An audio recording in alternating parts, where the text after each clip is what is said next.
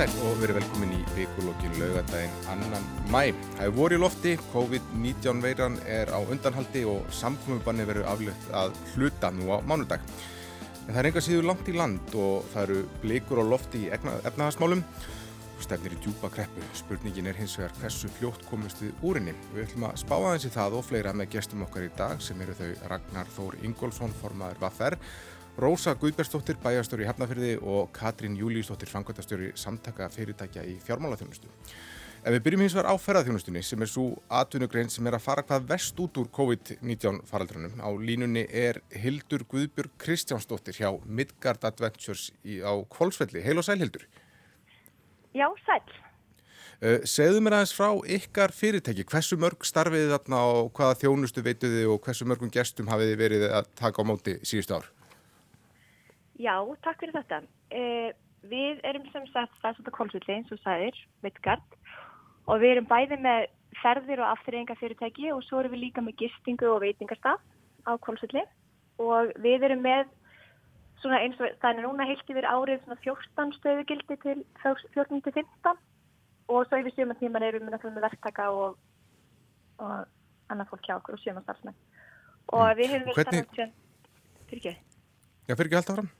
Nei, já, við, við erum svolítið starfað síðan 2010 en opnum svo sveitingastæðin og, og gistingun 2017. Einmitt. Og hvernig hefur uh, COVID-19 faraldurinn leikið ykkur? E, þetta hefur vantilega leikið okkur grátt eins og alla aðra og hefur verið ansið stressandi tími svona síðan í mars þegar við sáum eftir síðasta hóknum okkar. Og, og hvað til dæmis... Já, afsakaðin, hvað, hvað sáðu þið fram á að fá marga gesti í, í sumar og, og, og hvernig sjáu þið sumarið fyrir ykkur? Sko, þetta er kannski svolítið erfið spurning þar sem við eiginlega vitum ekkert hvað við erum að fara að fá marga gesti í sumar en auðvitað hafa er verið mjög margir undir fyrir nár og ferðamenn eru, og við eigum mikið undir sumrinu og byggjum ekki á sumrinu, við veitum líka. En við, sem sagt, höfum í sumar við erum mjög spennt fyrir sumrunu samt sem áður og við höldum að ferðamenn, íslenski ferðamenn er eftir að ferðarbyggja um landið og við erum mjög spennt fyrir að, að aðlaga okkur að þeim markaði. Og við erum með, við erum náttúrulega heppin hvar við erum staðsett, við erum á kólsvelli sem við kallum nafla alheimsins erum aðeins klukkutíma fyrir Reykjavík og erum alltaf að fallu e, ferðamannstæði kringum okkur. Og við teljum að þetta sé góð, góð dagfinning fyrir fólk til að koma í bæði í dagsferðir eða koma að gista hjá okkur. Við erum að kortleika gung og, og hlaupaleiður og, og hjólaleiður á svæðinu með sveitafélaginu og við erum með stóran veitingastaf og auðvitað að halda þess að tvekja með það reglu. Og við erum með gistuheimili sem bæði býður upp á kójugistingu og prívatherbyggi og auðvitað verða öll herbyggi selv sem prívatherbyggi símar sem hægt vel fyrir bæði vinahópa og fjölskyldu og fyrirtækihópa líka. Við höfum í gegnum tíðin að vera með alls konar viðbyrði hjá okkur, bæði tónleika og, og, og hafa bæði áskeittvistu, hjálmar, síru, tólasíðus og fullt af skemmtilegum tónlistamennum komið til okkar. Svo við erum vöna þjóðnist á Íslandíka og við erum skemmtilega marka okkur og við erum mjög spennt fyrir sömurinu. Já, þannig að þið haldi bara eitthvað strikki og eru bara frekar bjart sín eða? Já, auðvitað, ég er svona eðlislega mjög bjart sín manneskja svo að það er kannski, ég kannski ekki best til að spyrja. Auðvitað veit ég að þetta verður erfitt sumar og þetta verður mikil vinna. Við erum auðvitað ekki að fá tekinar inn sem við hefðum átt að fá og það verður líka erfitt í vetur. Um, en ég er samt bjart sín fyrir sumurinu og ég held að við höfum margt skemmtilegt upp á að bjóða og okkur langar í næstu viku til það þá ætlum við að byrja að setja í loftu og ég bara hveti alltaf til að fylgjast með á mitkar þá ætlum við að kynna jókahelgar og við erum með hlaupahelgar og við erum búin að undirbúa nýjar hjólaferðir og alls mhm. konar tilbúð sem við ætlum að fara með í lofti í mæ en við opnum svolítið í júni og við þurfum svolítið aðlaga líka opnum tíman okkar aðeins nýja mark markaði. Við ætlum að byrja að hafa opið frá 50 til sunnundags en við vitum auðvitað ekkert alveg hvernig, hvernig það verður. Einmitt, þannig, en, en uh, aðgerapakki til dæmis ríkistjórnarinnar, hef, hefur hann gagnast ykkur? Já, uh, við vorum mjög þakklátt fyrir 25% þegar hún kom og hún var mjög góð en auðvitað dögði ekki því að þetta tímabil var mun lengra heldur en við gerum ráð fyrir. Og ég til að það séu þessi þrjú líkilatrið sem hafa komið fram sem eru svo mikilvægt til þetta fyrirtæki getur lifað af núna og það er nummer eitt að losa nýfsanarfröstin og nummer tvö að fyrirtækin getur tekið brúlán sem þurfa þólum voru fjármang til að fleita sig yfir þannig hjálpa. Og svo er nummer þrjú er það frýsting lána. Og það hefur auðvitað komið fram. En ég tel að við þurfum að fyrst að þetta lengri tíma. Því það er ekki hægt að greiða af þessu í haust eða vetur. Og Ég, því að við mistum náttúrulega tekinu okkur út í vor, sumor og hugsalega vettur og ég held að með því að gefa fyrirtækinum eftir bara vera lengi ólina og getur hjálpa ótrúlega mikið. En er samt sem aður bara, þetta er ekki stuðning, þetta er styrkuð sem gerir það verka komum miklu minna skuldsettin í næsta sumar og Einmitt. mér er það mjög mikilvægt. Eru gott að heyra að það er gott hljóði í ykkur og bara gangi ykkur uh, vel í sumar Hildur Guðbjörg Kristjánsdóttir hjá Midgard á Adventures á Kvolsvelli uh, en hingaði hljóðveri í efstaleiti eru komin þau Ragnar Þór Ingólfsson hjá VFR og Katrin Júliusdóttir uh, hjá samtökum fyrirtækja í fjármálaþjónustu og línunni er Rósa Guðbjörnsdóttir bæjastjóri í Hafnafyrði Ragnar, ef við byrjum á þér við risastórar þetta voru stór mánaðamót eða það er að segja í, í, í vondri merkingu, við höfum aldrei séð jafn margar hópugsagnir á einu bretti uh, bara þínir félagsmenni að þeir, hvernig, hvernig hefur komið þeir út úr þessum mánaðamótum? Eh, Þetta eru eh, þau vestu held ég mánaðamót sem við höfum upplifað í, í eh, sögu félagsins og, og, og ég held að þetta sé ekki öðruvísi hjá mörgum öðrum stjættum og, og, stjættafélögum og staðan í sjálf sér bara skelvileg við erum að fá hópa uppsöknir á, á færibandi. Við erum eftir að meta í sjálf sér hversu mikið af þessu er að koma úr frá hlutabótaleðinni Mm. og hversu margir eru að fá uppsökn af hlutabótaleð og uh, eigum eftir að taka sem sjálf sér bara tölfræðina betur saman. En uh, það er alveg ljósta að verkefni framöndun eru uh, svakaleg. Og við þurfum að tryggja núna aðgerðir núna þurfum við að setja súrefniskrimuna á, á okkar félagsmenn, almenning í landinu og heimilinn og tryggja að, að það afkoma þeirra verði trið með einhverjum hætti. Þessi hópur núna, gríðalega stóru hópur sem er aðtunlega hluta eða öllu leiti sem telur uh, í kringum 60.000 manns að uh, þetta er fólk að verða fyrir tölurverðu tekifalli og margi hverjir mjög miklu. Og uh, strípaðar atvinnulisbætur eru ekki nema 289.000 eða 230.000 eftir skatt. Og það er alveg ljóst ef, að- ef að kom ekki aðgerið frá stjórnvöldum til þess að mæta uh, hvað sé, tekifalli þessara hópa að þá mun haustið verða mjög erfitt og, og þar mun fólk þurfa að taka ákvörðunum það hvort að borgi reikninga leigu eða af lánum eða kaupi í matinn uh, sem er svipust að gerist hér eftir hrun. Mm -hmm. og eh, ef það verður ekki gripið inn í að uh, þá munum við sjá atbyrður á sem að teiknaðist hér upp í eftirmálu hrunsins þar sem að bankarnir fóru síðan í, í heimilinn og hirtu þau og hér eru til gammafélög sem að tóku þau síðan og leiðu út og okkur verði. Og staða í sjálfur sér sem að margi hverjir eru ekki ennbúnir að býta nálinni með enn þá dag í dag stjættafélagin fengu síðan runni áhlaup á sjúkrasjóðuna þar sem fólk var bara örmagnast undan álægi sem við teljum að sé stórum hluta vegna, uh, hvernig, vegna, vegna þess að hvernig var spilað í, úr málum eftir hrunnið þar sem einstaklingar lendu í framfæslu og búsut öryggi, óöryggi sig. Og, og þetta má ekki gerast aftur.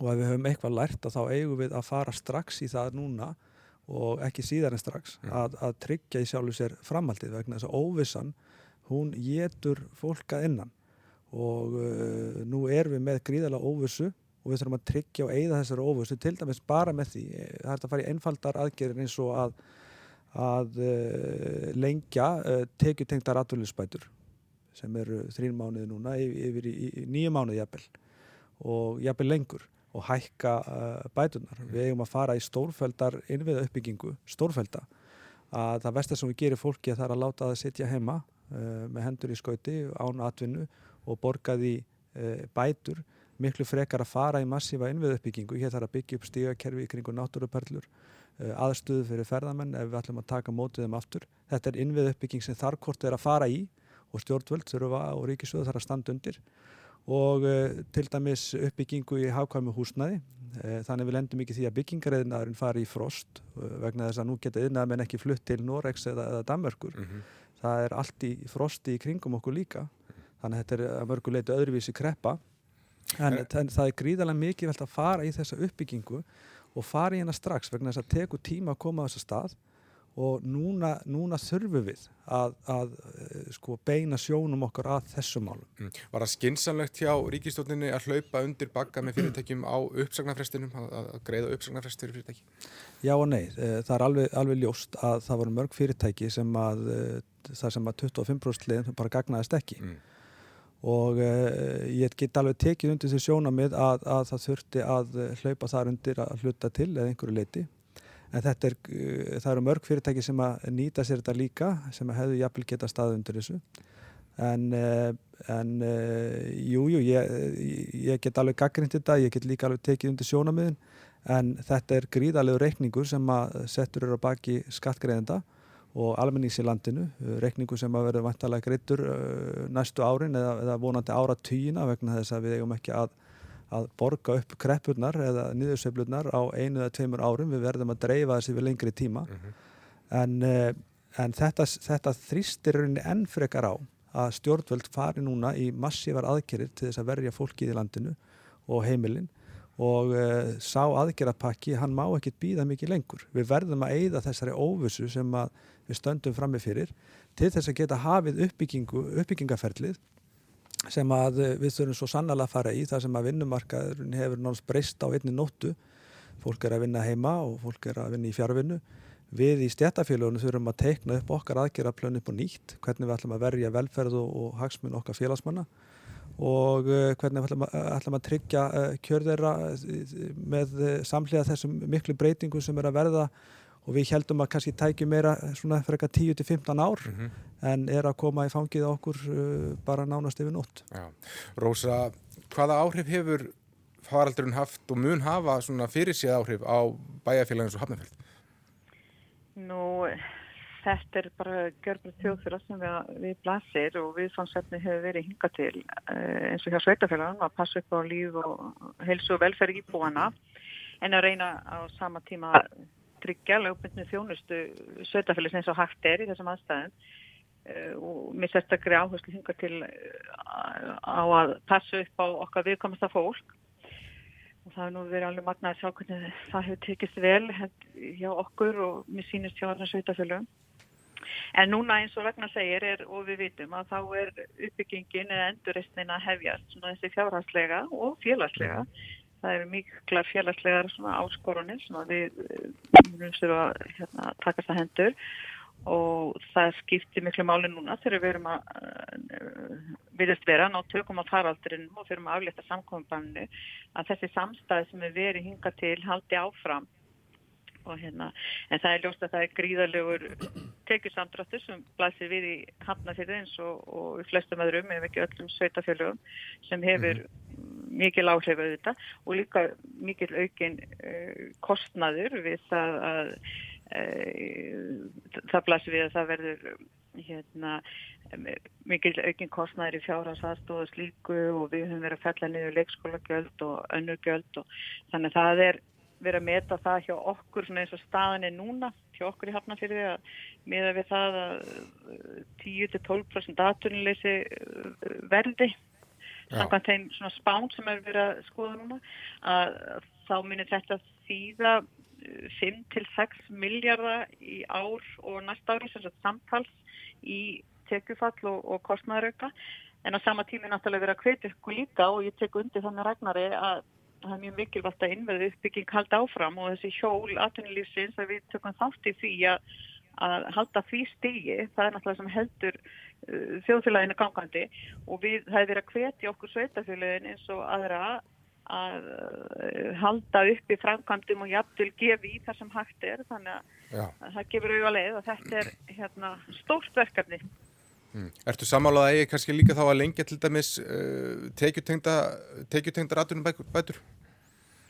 Ég, tíminn verður bara að leiða það eins og ljós. Þetta er náttúrulega, ja. þetta er krísa sem að, við erum í og mér sýnist eins og ríkisaldi vera að gera ágæðlega og, og bara vel í mörgum tilvægum og eins og síðustu aðgerði tók uh, vistust fá eða hafa fengið góð viðbröð en þetta er krísa sem við erum öll samalum að er mm ríkir sem ekki óvisa í kringum að, og, og hvert framaldi verður meina það verður náttúrulega bara tíminni leiði ljós og það skýrist náttúrulega bara næstu vikum og mánuðum og, og, og það verður vantilega þá teknar ákvarðanir eftir því sem að, að hlutinir eh, gera sig sko Já, eh, eitt af því sem var sagt frá núna á dögunum var það að bæjaráð hafnaferðar, það er alltaf að hefja undirbúning á mögulegri sölu á rúmlega 15% hlut sveitafélagsins í HS veitum. Farðaðins yfir þetta með mér, Hva, hvað nákvæmlega eru það að hugsa um að selja? Já, sko málið er að við erum náttúrulega eins og önnur sveitafjölu að reyna að breyðast við þessu óvenjulega ástandi og, og breyðast við þessu tekjufalli eins og ég var að lýsa hérna á þann að ónættilega verður og, og viljum helst geta gefið í framkanti líka til að koma þeim hlutum vel að stað. Þannig við erum að skoða alla leiðir. Við erum við höfum verið að fara fram á aukið aðhaldinn og sviðum hjá okkur. Við höfum verið að skoða möguleika á að selja eigur sem við þurfum ekki að eiga, eða eignir og svo auðvitað landsfjórnmöguleika. En þannig erum að ræða rúmlega 15% hlut í, í, í rauninni dreifikerfi Eh, ramagsins til Hafnarfjörðar. H.S. Veitur eh, sér einhverjum sem að dreifa ramagni til bæjarins.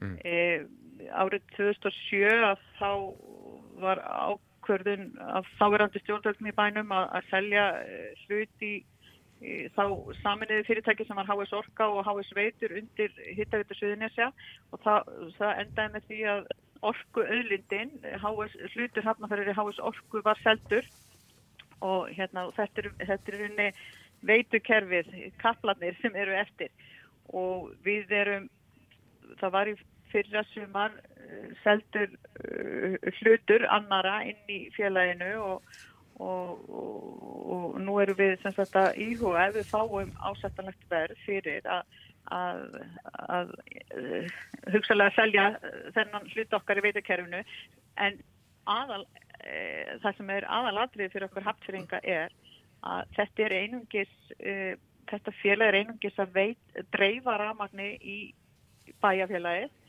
og mun ekki hafa áhrif á verðlagningu þess því það er verðlagning á dreifingu raforku er algjörlega fastbundin í lög og háð miklu ofinbæru eftirliti og skilurðum. Þannig að þetta alls ekki hafa áhrif á verð til hapseringa og við metum það svo eins og mörgunni sveitafjölu sem hafa verið að selja sig út í þessu uh, félagi að uh, við þurfum ekki að, að, hérna, að það, það sé ekki samfélagslegt hlutverk okkar að eiga í þessu kaplakerfi.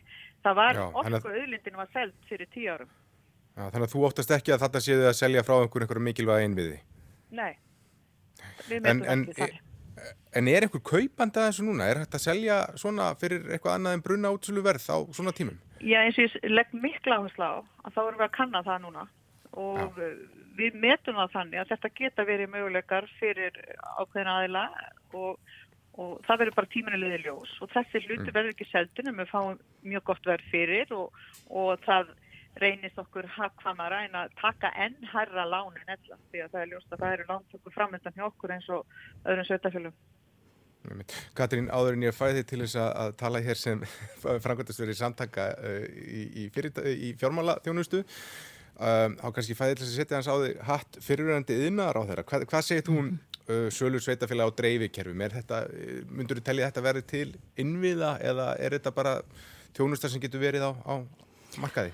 Sko við, hérna, þetta eru auðvitað innviðir en hins vegar að þá er það þannig að, að þetta er mjög regulerat, mm. það er að segja að það er mjög mikið eftirlit með þessu eins og Rósa segir og það eru hérna svona, það eru reglur um kostnaðinn og hvernig hann áfra samsettur og, og það er reglu, eh, mikið eftirlit með þessu þannig að Ég held að sveitafélagi verði bara að taka svo sem sjálf ákvörunum það með hvaða hætti í hvaða eignaformi þau vilja hafa það. Þannig að þetta er kannski ekki fjárfesting, þetta er svona langtíma fjárfesting fyrir þá sem að koma inn í svona mm. uh, starfsemi og ég held að ef að við svona regluverkið er stert að þá eigi það alveg að þóla eignarhald sem ekki er ofinbert.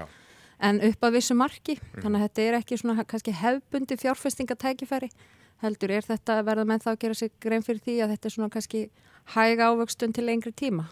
Og að því leitunum til en, en ég man samt eftir því að, að hérna, ég hef nú ekki verið með þannan hatt lengi á mér þannig að ég er nú svona aðeins að rifja upp í samtalenu en þá var þetta nú þannig að það var að minnstakosti þá í regluverkinu ég held að sé nú þannig ennþá að tveir þriði hluta þessa hluta orgu uh, kerfisins þarf á að vera í ofinberu eignarhaldi. Það er að segja að það er, er sveigalegi til þess að selja eða hafa í annars konar eignarhaldi eitt þriðja. Þannig að þetta er bísna varið. Mm. Uh, hins vegar er framlegslan Já, þannig að hins var framleyslu þættinir með öðrum hætti, þar getur eignahaldi verið 100% í, í annars konar eigahaldir og ofinbyrju en, en það er áfram þannig þá. Er það ekki réttið með rosa? Tveir, Jú, þriðju... það er, er rúmur helm, helmingur, sko. Rúmur helmingur, já. já. Þannig að það verður alltaf þannig, þannig að það verður alltaf þannig að þeir sem kom inn í svona eru þá eigið á móti ofinbyrjum aðila að meiri hluta til. Um, Segð mér aðeins frá fjármálaþjónustu, fyrirtækjum í fjármálaþjónustu og áhrif COVID-19 fallur á þau, hvað er þetta bankakerfið og því, hver hafa þau áhrif helst verið? Þau hafa náttúrulega verið tölverð og það eru allir að verða fyrir áhrifum af þessu. Náttúrulega í fyrsta lagi bara með hvaða hætti starfseminn getur farið fram. Uh, það er Það hefur, það hefur breyst mjög mikið, það er hérna, ekki útibú hafa til dæmis ekki, þau hafa verið opinn en samt með lokaða hurð ef segja má, segja má Þannig að það er verið að gera þetta náttúrulega allt með meira og minna með stafrænum hætti eða í gegnum síma eða annars konar, annars konar aðferðir. Það er verið líka litið svo á að fjármálakerfið hluta grunninnviðum mm -hmm. eða mhm. grunnþjónustu sem þarf að verja vegna þess að við þurfum að geta tekið út fjármunum okkar og við þurfum að hafa aðganga fjármunum. Þannig að, að, eh, að þýlitinu til var mjög snemma í þessu ferli farið að skipta upp í hópa og ímislegt annað sem hefur töluverð áhrif á starfseminna sjálfa en þá er mjög gott að þetta er þetta eru fyrirtæki sem eru mjög vön að vinna í samkvæmt mjög svona fyrirfram hérna skipilöfum ferlum mm -hmm. og fóru mjög hratt í það að breyta sinni starfsemi og það hefur gengið mjög vel. En svo hefur þetta líka þetta áhrif á, öll efnaðasli áhrif hafa áhrif á fjármálukerfi vegna þess að bankarnir til dæmis er að megin stofnunum til fjármagnaði með innlánum og eiginfið Uh, innlánin koma auðvitað frá fólkinu og fyrirtækjanum í landinu. Þannig að þetta er svo samtengt allt saman. Þannig að áhrifin eru auðvitað veruleg. Uh, fjármálafyrirtækin hafa bröðist mjög hratt við og tóku strax mjög hérna, afgerandi frumkvæði í því að, að saminast inn í eitt samkómulag sem að var unnið uh, meðal lánveitenda, það er að segja að það eru bankarnir og sparisjóðnir og, og hérna önnur lánafyrirtæki á samt lífur í sjóðunum Já Það sem var samkominlega um greiðslufresti þannig að, að menn reynda að tryggja það að ef að þú færð greiðslufresti á einum stað og ert metinn þannig að þú uppfyllir skilirðin að þá fresta hinnir sem eru aðilar að þessu samkominlega líka. Og þetta er til þess að reyna að búa til svona skjóta leið í skjól fyrir fyrirtækin en. og í gegnum þetta hafa farið bara á, á fjórum vikum fóru um, yfir þúsund fyrirtæki í gegnum þetta og skilirðin það var ákveð að hafa þau freka víð uh, þannig að, að, að hent, netinu var hent mjög vítt út þannig að, að það, það er, lang, eru lang flest fyrirtæki sem uppfylla þau og er að fá þetta úræði. Síðan ofan að þetta að þá eru líka bankar og, og sparisjóði búin að fara með hérna tæplega 4000 heimili í, í greiðslufristingu og það eru bara bankar og sparisjóður. Stór hluti af lánum heimilar hjá lífeyrissjóðum og, og líka gamla íbólánusjóði þannig að, að, að við erum ekki með tölurnar yfir það en, en þetta eru þannig að það er fleiri þúsund heimili og fyrirtæki er að fá greiðslufresti og þetta verður allt verið unni síðan í þessu nýja starfsumkverfi mm. þannig að þessi rafrænu ferlar að þeir hafa verið að virka mjög vel í, í þessu líka. Um, Sigur Ringi, samgöngur á þeirra, hann var daldi kritískur í garð bankana í Kastlásviðtali vikunum og hann bara spurði hvert er hlutverk banka og svona leta því leggja að þeir var að draga lappirnar í því í lánveitingu með einhverju slíku, þeir var ekki að nýta auki lausa félagri stýrivexti og svo framvegist til þess að uh, um, já, komum betur til mótsvið þarfir fólks og já, þá má spyrja hvert er hlutverk banka í, í þessu ástandi? Sko hlutverk banka er alltaf að miðla fjármunum, mm -hmm. það er innlán og það er útlán og það er að, að vera virki í því Uh, þau hafa verið að sinna því mjög vel eins og ég segi, þá hafa þúsundi fyrirtæki og heimila verið að fá fyrirgræslu gegnum greiðslufresti. Uh, það er uh, fjár, auki lausa fyrir nýtist í það líka. Það eru hérna og mér fannst þetta svona kannski ekki alveg sangjant hjá honum vegna þess að síðan eru við með líka í þeirri stöð og það er gríðarlega óvisa og það er bæðir ekkit ofbúslega mikil eftirspurn eftir nýju lánvitingum á meðan að fyrirtæki er að skoða og fara í gegnum það sjálf og, og með hvaða hætti þau geta komist sem best í gegnum þetta.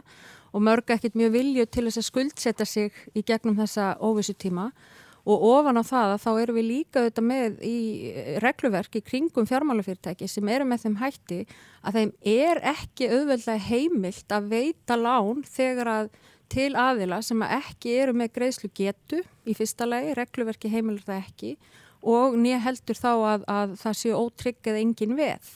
Uh, við vorum nú bara, ég tek sem dæmi sko, við vorum nú bara í byrjun mars að skrifa umsögn um, uh, kannski má segja þriðju varnalínuna uh, hérna í áhættu vörnunum sem átt að aðskilja milli þá hérna fjárfestingabankastarðsum og viðskiptabankastarðsumi sem átt að tryggja þetta enn betur þar að segja að, að, menn, að bankarnir væru ekki í áhættu sem er lánveitingum. Mm. Þannig umhverfi höfum við byggt upp. Já.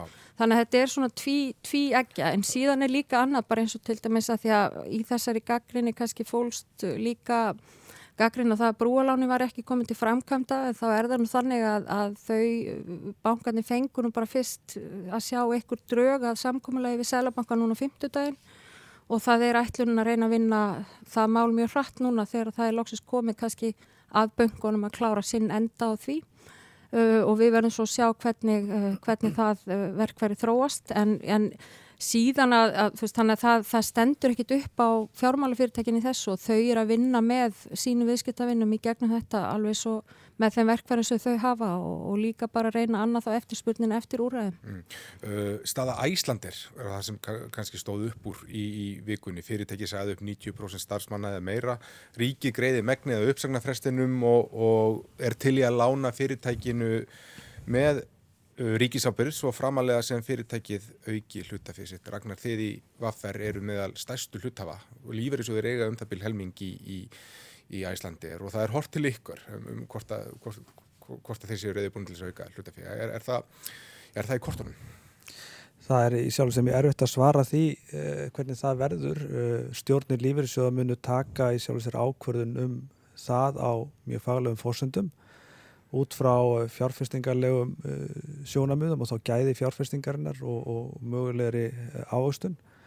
Eh, stjórnir sjóðana og bara lífri sjóðanir hafa enga heimil til þess að fara í mjög eh, áhættu sem að björgunarpakka en eh, eins og ég hef sagt og, ég viðtölum að, að ég mun persónulega beita mér að mikill hörku gegn því að, að lífri sjóðanir og lífri sjóðan okkar fari í að fari í að þáttöku í þessu hlutafjörútbóðu og þessum björgunarpakka. Eh, fyrir en eh, stjórnvöld hafa komið með aðgerapakka fyrir fólki í landin og heimilin. Mm. vegna þess að lífyrirsjóður núna í dag eru ekki bundnir þeim skildum að fá sem hæstu ávöxtun. Þeir þurfa að taka með af mörgum öðrum þáttum sem að snúa samfélagslegum gildum, siðferðslegum sjónamiðum þeir eru hluti af ESG samþýttum saminuðu þjóðana sem að snúa af umhverfismálum og mörgum öðrum þáttum Eh, öðrum heldur en hæstu áherstunna og síðan eru hagsmunni sjósfélaga líka, þeir eru ekki bara þeirra sem eru að taka út líferi, þeir eru þeirra sem að eru að greiða inn í kerfið. Mm. Þú ert sjósfélagi frá 16 ára aldri fram að eh, líferistöku og þú ert kannski greiðandi sjósfélagi í yfir 50 ár og þú ert kannski á líf, líferi í, eða eh, þú ert heppin í 10-20 og þetta í sjálfur sér það sem ég er að segja með þessu að hagsmunni sjósfélaga E, eru líka lífskjörðir á meðan þeir eru á vinnumarkaði. Mm. eru uh, sagt, aðgangur að góðum lánakjörum lágum vöxtum góðum lífskjörum meðan við erum í vinnu og erum á vinnumarkaði. Þannig að það þarf að taka til til margra þáttar en, en, en svo ég undistriki það að þá er, er fylgir þessu er, er framaldið í gríðalegri óvissu. Og ég held að forgangsatrið hjá okkur til dæmis skakvart þeim fjölmörgum starfsmönnum sem að hafa mist vinnu hjá Æslandir að hvað tekur við eftir þrjá mánu mm. nú er þetta fólk á, á, á, á auðsagnarfresti þúsundir og uh, muni fara á strípaðar atvinninsbætur í, í, í haust. Og ég er bara alls ekki sammála því að við þurfum að býða og sjá. Það, þetta er óvisa sem að tekur við hjá uh, þeim einstaklingu sem eru núna orðnir atvinnulisar hlutu öllu leiti og við verðum að breyðast við til þess að eigða þessari óvissu. Og við höfum ekki fengið að komast að borðinu hinga til almennilega, það er ekki á okkur hlustað. Mér hefur fundið svona uh, sá aðgangur að stjórnvöldu sem verkefælisreifingin hefur þó haft í dag hefur bara verið meira svona nafninu til svona til þess að hafa okkur góð. Samtök atvinnlýsins hafa ekki viljað svona sé, hlusta eða, eða, eða, eða taka slægi nægilega vel með okkur heldur til þess að verja til dæmis lífskjara samlingi núni í haust. Mm. Og hvaða, hvaða vopnum við reyfingunni til þess að eh, þrýsta á aðgerði fyrir fólkið, björgunapakka, raunverulega björgunapakka þannig að súrefnisgríma verið fyrst sett á, á fólki í landinu og heimilin áður við setjum frekari súrefni út í atvinnulífið. Já, og til þessu höfum við lífur í sjóði og ég veit bara undirstryka það að eh, ég mun beita mig fyrir því að það fari ekki ein einasta króna í fjárfestingarinn í atvinnulífið, hvað sem að sé æsland eða önnur fyrirtæki, fyrir en búið er að uh, setja súrefnisgrímu á heimilin og almenning í landinu. sem væri þá í anda þessara aðgerða sem hún nefndi fyrir þettinum að, að, að hérna, innviða uppbygging, lenging á tekjutengum tengdum atvinnuleysisbótum og svo framvegis. Akkurat, það verður að lengja í tekitöndum atvinnuspóti eða tryggja með einhverjum hætti framfæslu uh, þessar 2000 einstaklinga sem verða hér atvinnuleysir að fullu í haust og fara á strípaða bætur ætlum við að fara í raunverulegar aðgerðir eða ætlum við að láta þess að hópa þurfa að taka ákvörðunum það hvort að þið ætla að vesli í matin eða borga skuldir. Mm.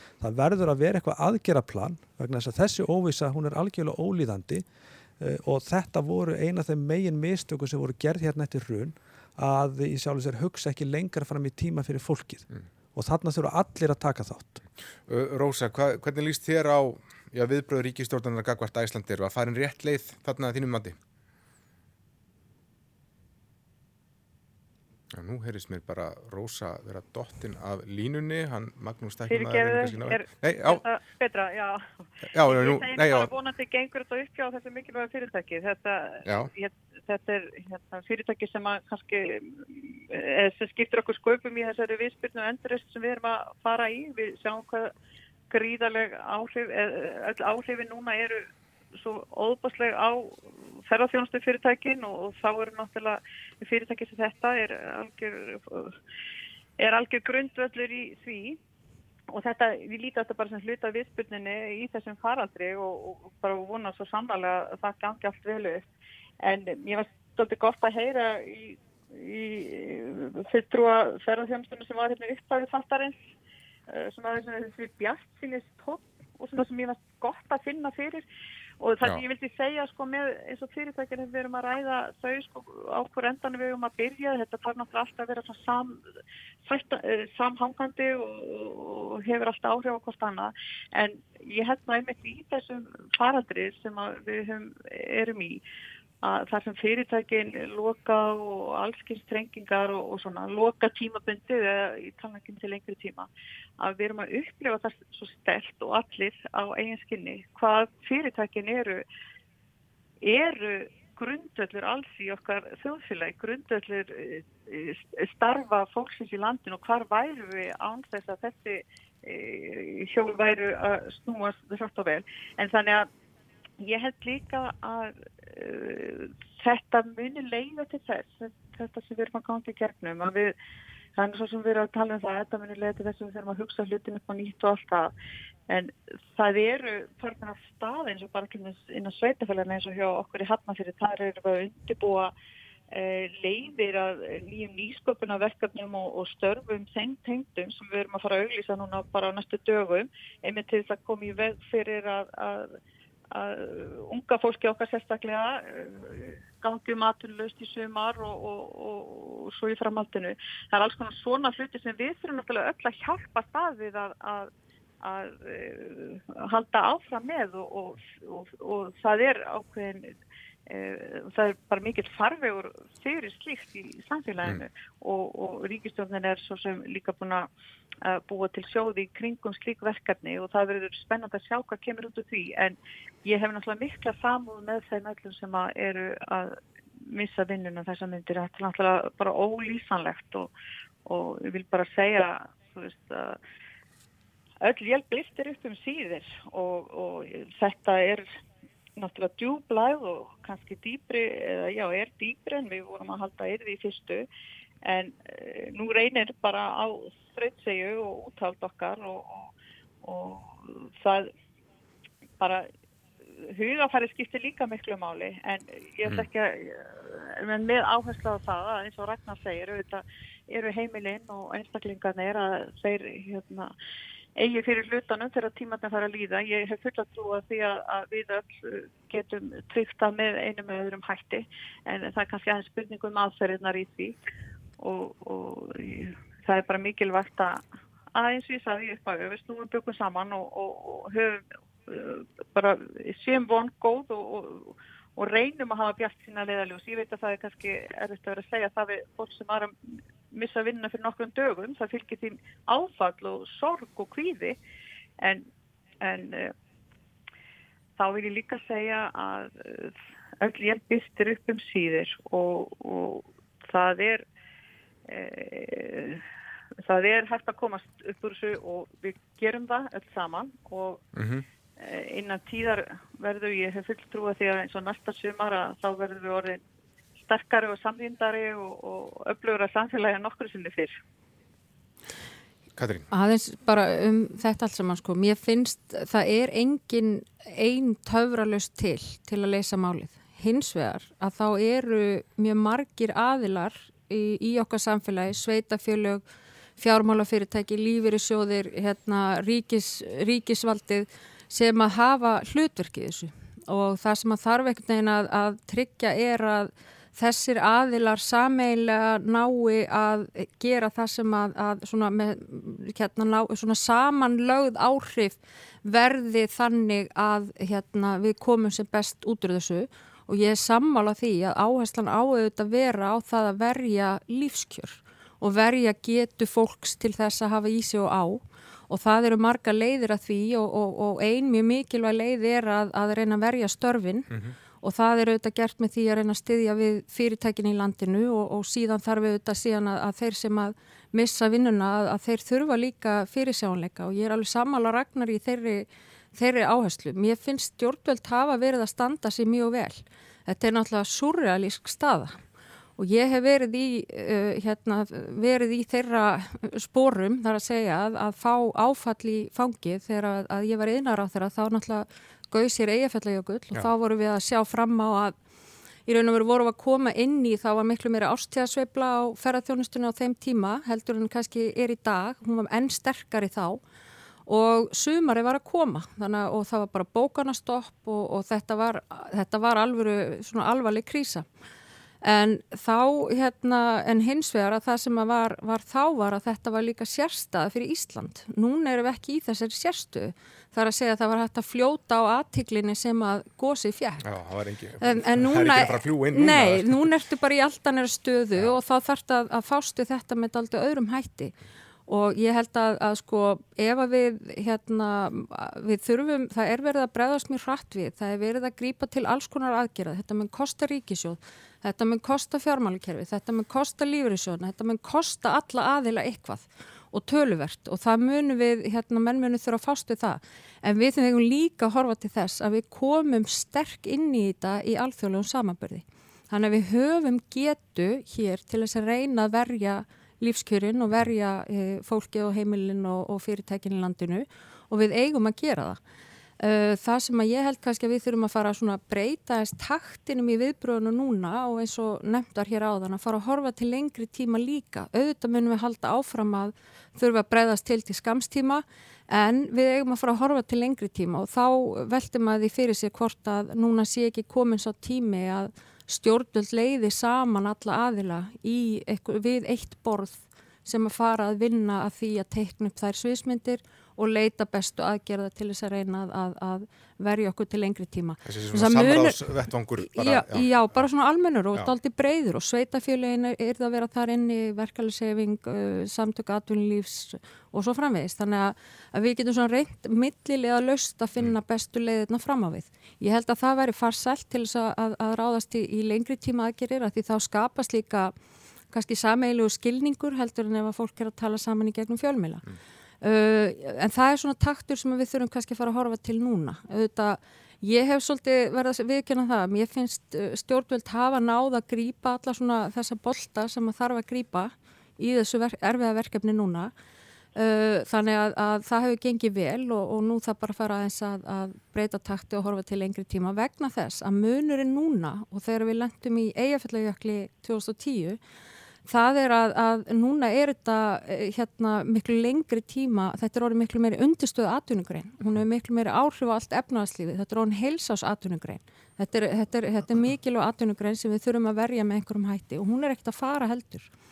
Og það þarf að horfa til þess hvernig við ætlum að, að vinna úr þessari stöðu. Svo finnst mér líka mjög gott hvernig sko í öllum krísum þá það líka horfa til þess að, að hérna við, atvinnlífa okkar er alltaf að vera fjölbryttar og fjölbryttara. Það er að vera sterkari, fleiri sterkar stóðir í því. Nú negum við að halda áfram á þessari braut sem að, að stjórnvöld hafa kynnt sem er að horfa þá til uh, skapandi greina og hugverkageirans og, og svo framvegis. Það er einhvern veginn að negla hann betur, nýta þessa krísu til þess að negla hann betur inn með með öflugum stuðningi og fara að skoða umhverfi í kringum hann og hvernig við getum bætt uh, aðbúnað þess geira og byggt hann betur upp.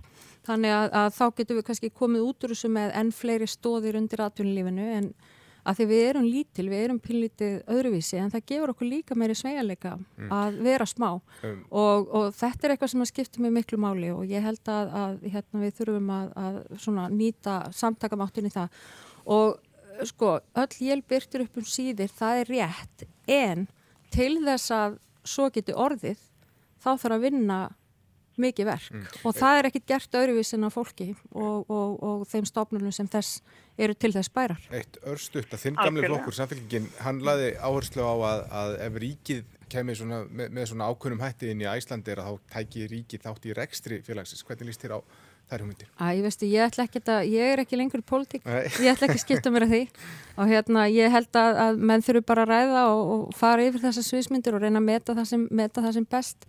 Ég veit ekki, ég held að ríki þurfu líka að verja sig fyrir því að kannski að, að vera sjálf komið í eitthvað mikinn rekst, atvinnurekstur mm. þegar þessu lokið. Ég held að bestu aðilatni til að vera í eh, rekstri fyrirtækja séu þeir sem að hafa þekk, þú veist, eru með þekkinguna til þess Það sem þarf að gera er að reyna að verja þá, þá fólk sem að, að í þessum fyrirtækjum hefur starfað og síðan að reyna að skapa grundvöld fyrir þessi fyrirtæki til að byrja að hlaupa aftur. Og þar eru mikilvæg aðgerð sem að við hefum kannski ekki rætt hér og að því að það var verið að tala um hlutabóta leiðin og uppsagnarfresti. Mm. Uh, þá um leið og það var kynnt, uh, það var kynnt að það var líka kynnt önnur aðgerð sem að ég tel að geti skipt mjög miklu máli og það er svona greiðslu skjóls leið Það er að segja breytingar á lögum um, um, hérna, um, um, um gjaldræðarskipti, nauðarsamninga og, hérna, og, og greiðslustöðun að það veri gerð breytingar á því sem að feli það í sér að það er hægt að, að hérna, það er svona vikað út og tímalengtir í því og það er raun og veru gefið færi á endurskipulagningu á þessu tímabili og það með, hlut, með, með þessari hérna, breyting á hlutabótaleðinni að það gefur okkur fær á því að fyrirtæki geti skala sér niður, endur skipulagt sig og hlaupið svo aftur á stað þegar færi gefst í staðin fyrir að þurfa að fara í þrótt. Mm. Af því að ef að við horfum upp á mjög mikið af, af fyrirtæki sem hafa þurft að í þrótt þá er miklu dýrara og erfiðar að fara aftur á stað og það er það sem við þurfum að reyna að tryggja og mér finnst hérna svona, menn hafa alveg augun á þeim bolta. Mm. Það er best fyrir fyrirtækin, það er best fyrir, fyrir, fyrir, hérna, fyrir fólkið í landinu sem að getur þá, hérna, fær þá aðganga að fleiri störfum hraðar og það er best fyrir líka lánveitendur mm. til lengri tíma að, að reyna einhvern veginn frekar að halda utanum þessi fyrirtæki í staðin fyrir að og, og, og reyna einhvern veginn að að vinna með þeim í gegnum þetta þannig að þau þurfi ekki að fara í þrótt með þeim tilkostnaði sem því fylgir. Mm. Uh, Verðbólka, hún er... Gáfyrir ekki... Nei, mér langar aðeins að hérna, koma inn á að því að ég er nú í forsvari fyrir stort sveitafélag og við erum hérna á svæðinu og hjá sambandíslöktur sveitafélag að, að reyna að kortlega þessa stöð eins og hægt er og, og eins og allir vita gríðarlega óvisa en, en við erum bara svo það sé sagt að þá vil maður, er við nú óska eftir samtali við ríkisvaldi líka því að uh, sveitafjölögin, eh, þótt að þau séu sterk og mjög sterk en að þá erum við náttúrulega að halda úti mjög öfluri þjónustu sem er alltaf til af okkur, bæði lögbundinni og annari eins og eh, til dæmis eins og leikskólanir, við skulum átt okkur því að þeir eru ekki lögbundnir en kosta miljardar eins og hjá okkur. Og það gefur náttúrulega auga leið og við höfum verið að tala um það að það vanti, eða samkvæmt útæktum hjá SSH og sambandinu að það vanti um 50-60 miljardar í bæjarsjóðina til þess að geta til þess að fjára sá allir standi. eh, þótt að í sveitafélagum eins og í hafnafyrir þessum hefur verið markvist unnið að e, hagræðingar og aðhalsaðgerum síðastlegin ár og reksturinn síðan tröstur að það gefur auðvað leið að tekjufall og kostnæður auki upp á marga miljardar á einu bretti það, það er ekki svo leiðsanlegt og, og við væntum þess að fá lánsfjármagn á, á góðum kjörum og það allt en þau þarf náttúrulega líka að borga tilbaka þannig við erum að óska eftir samtali líka við ríkisvaldið því að við teljum að eins og hinn og Norðurlöndunum að það þurfa að koma bæði til sértakra aðgerða hjá, hjá einstaklega sveitafélögum og svæðum í landinu en líka almennar aðgerði bæði til þess að, að geta hreinlega haldið uppi uh, þessari þjónustu sem að til uh, sem alltaf til af okkur. Þannig við erum að óska eftir þessu samtali og, og, og fara svona yfir hvað þið sangjast í því sambandi.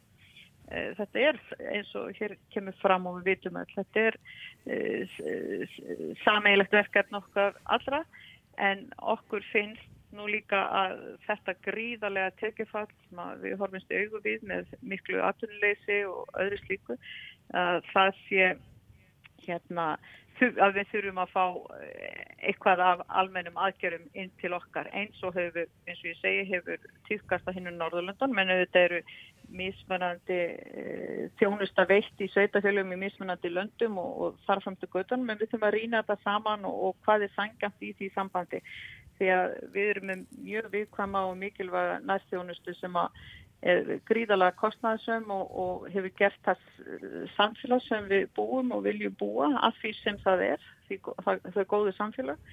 Og hérna þess vegna erum við að fara fram með þetta. En mér langar til að koma smá svona jákvæðni sko varðandi að, að því nú, við erum að tala um alltaf þessa hluti að þá eins og hjá okkur í Hafnarfjörði hefur verið mjög gott að finna fyrir því upp núna allra síðustu vikur í miðjum þessum faraldri að við gerðum gangskur í og letum hérna, drífi því að útluta, auglýsa útluta lóðum hérna, í nýjasta hverfin okkar sem að heitir Hamranær mm -hmm. og það, það hefur verið mikill áhug og við hefum verið að útluta núna lóðum fyrir mörg hundru íbúið núna bara í miðjum þessum faraldri. Þannig að það eru afskaplega gott að finna að það eru þarna aðilar til sem eru að skipilegja til framtíðar og, og láta enga bilbúa að finna. Þannig að ég langaði bara svona koma því að, að, að það er heilmikið svona jákvægt í gangi líka. Já, það tengist nú að Já, það tengist nú aldrei þess að sem ég langaði að nefna næst. Það er verðbólgan sem er í einhverjum 2,2% núna, hún er, hefur verið lág síðan 2011-12 uh, Það eru samt hugmyndir uppi núna um það að koma heimilum í skjól með því að aftengja uh, verðtrygginguna á svona skekkinni að það kemi verðbólguskott. Fjármálaráður að hún líst ekki á þetta, segir að það myndi fylgja sér svona vantröst í gard Sælabankars og verðbólgumarkmiða hans og þeirra úræði sem hann hefur og væri eiginlega bara yfirlýsing um að það væri verðbólguskott yfirvonandi. Ragnar, hvernig, hva, hva, hvernig myndir þú þetta? Hvað vilt þú gera? Já, kannski byrja því að ég veist alltaf svona aðdeklisvert þegar menn er að tala um tröst á stopnarnir og, og, og þá segir maður á móti þurfu ekki stopnarnir að hafa tröst þess að geta mögulega mistað?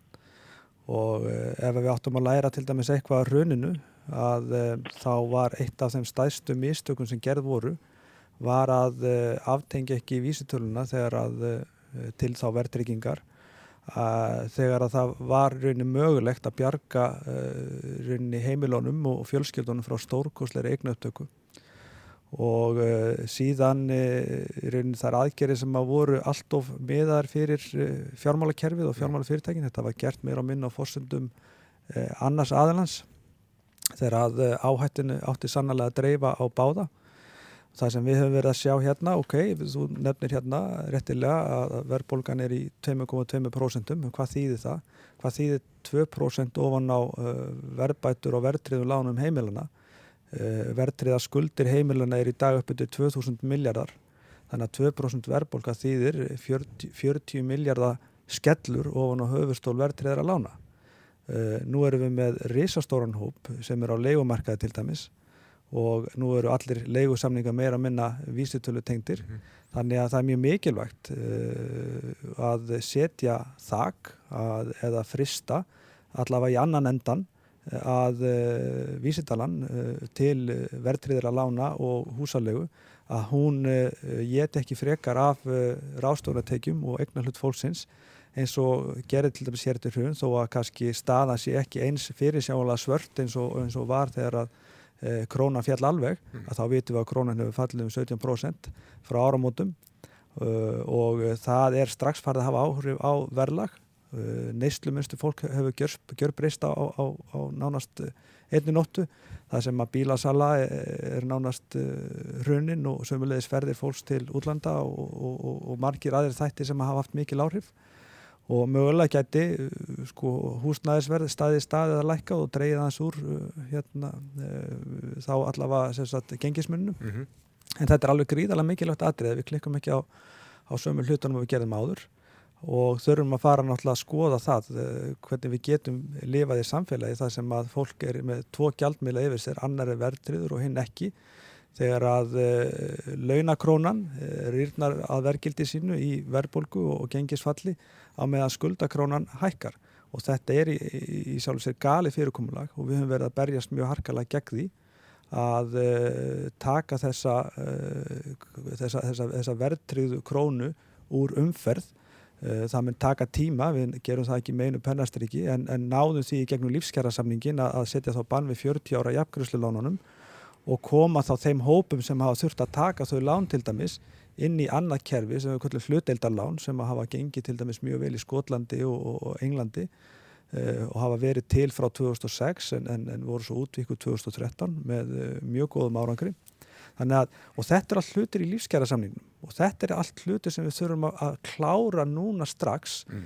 að setja þak á, á, á vísutöluna banna 40 ára verðtölulánin koma hluteldalánum inn í gegn sem verður innspyndingin inn í byggingariðnaðin að fara þá að byggja hafkamar íbúður vegna þess að þetta er eitthvað sem við draugum ekki upp úr hattinum rétt fyrir endur skoðun kjærasamninga núna fyrsta september við förum ekki að, að koma einhvern frumvörpum í gegn þá. Þannig að ef það á að klára og verja lífskjara samningin þá verður að gera það núna. Mm. annars fellur hann í haust. Þannig að fólk og stjórnmálinn og, og, og, og hérna, allir aðila sem koma að þessum samningi þurfa að taka, þetta, taka þessu stöðum í alvarlega. Að missa ekki það sem við þó náðum að klára í fyrra.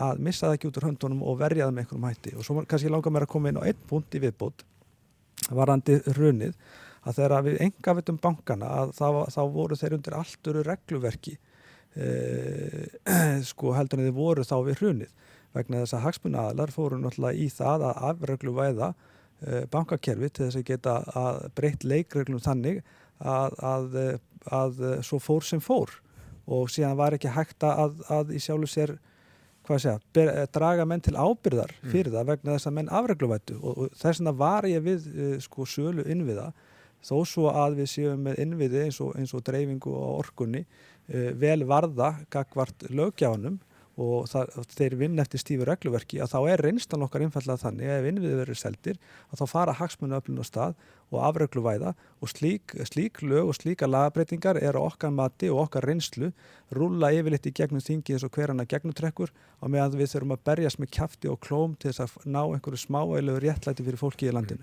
Mm. Við höfum örfámyndur eftir. Katrín, þú þekkir nú vel hvernig það var að glýma við þessi eftirköst hrunsins og einmitt hækkun á, á hvernig lánin mögnuðust upp eftir þetta verðbólguskóta þetta er mikilvægt að koma í veg fyrir það sko, núna? Staðan núna og staðan þá er ger ólík á þeim tíma vorum við með vexti yfir 18%, stýrivexti yfir 18% við vorum með verðbólgu í 18,6% og, og það var stappin sem við vorum að vinna niður, það var allt önnu staða. Í dag erum við með sögulega legstu vexti sem við hefum nokkuð tíman haft og við erum með verðbólgun í 2,2% en það þarf auðvitað að fylgjast mjög vel með því hvernig hún þróast og það eru hlutir sem að geta haft áhrif á henni til hækkunar en aðrir til hækkunar. Við erum með það rétt sem að hér kemur fram að við erum farin að sjá gengið er að, er að síga en á móti að þá erum við með, með sögulega lægð í ólíuverði sem mhm. hefur gríðarlega líka, líka mikil áhrif þannig að það eru svona þætti sem er að vega inn og út en þetta þarf auðvitað þessu þarf að fylgjast með.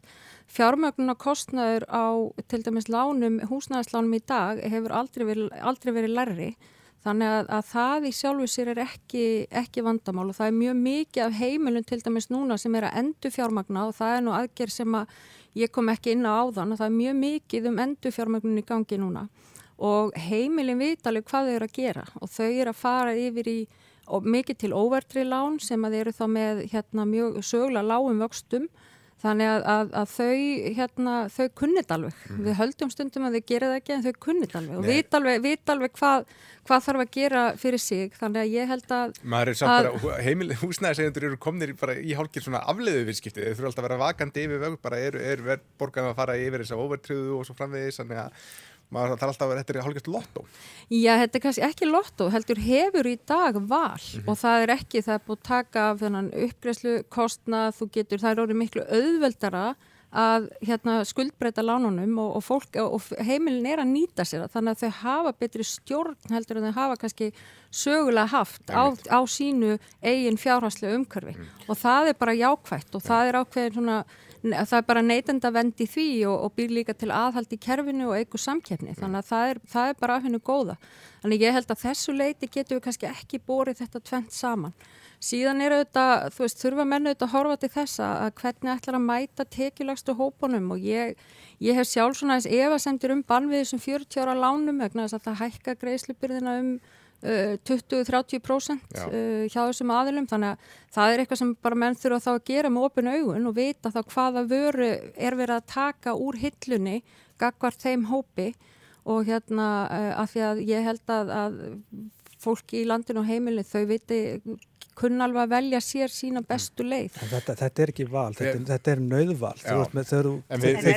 Ég veit að... Við getum talað um þetta næsta klukkutíman. Bara, bara örstu, þetta er orðið með val fyrir viðkvæmustu hópa samfélagsins til að taka alltaf langvesta dílinn að við erum með mótvæðisaðgerð inn í okkar samningi sem að heita hluteldalánin sem eru sérstaklega fyrir tekjulega og viðkvæma hópa til þess að koma í staðin fyrir þessi Íslandslán og þarna eru raunverulega aðgerð fyrir mjög viðkom og tekjulega hópa sem virkilega gagnast þeim og gerir þeim kleift að fá sambarleg kjör og almenningur í landinni sem á eigið fyrir eða hefur eitthvað mm. á milli handana. Já.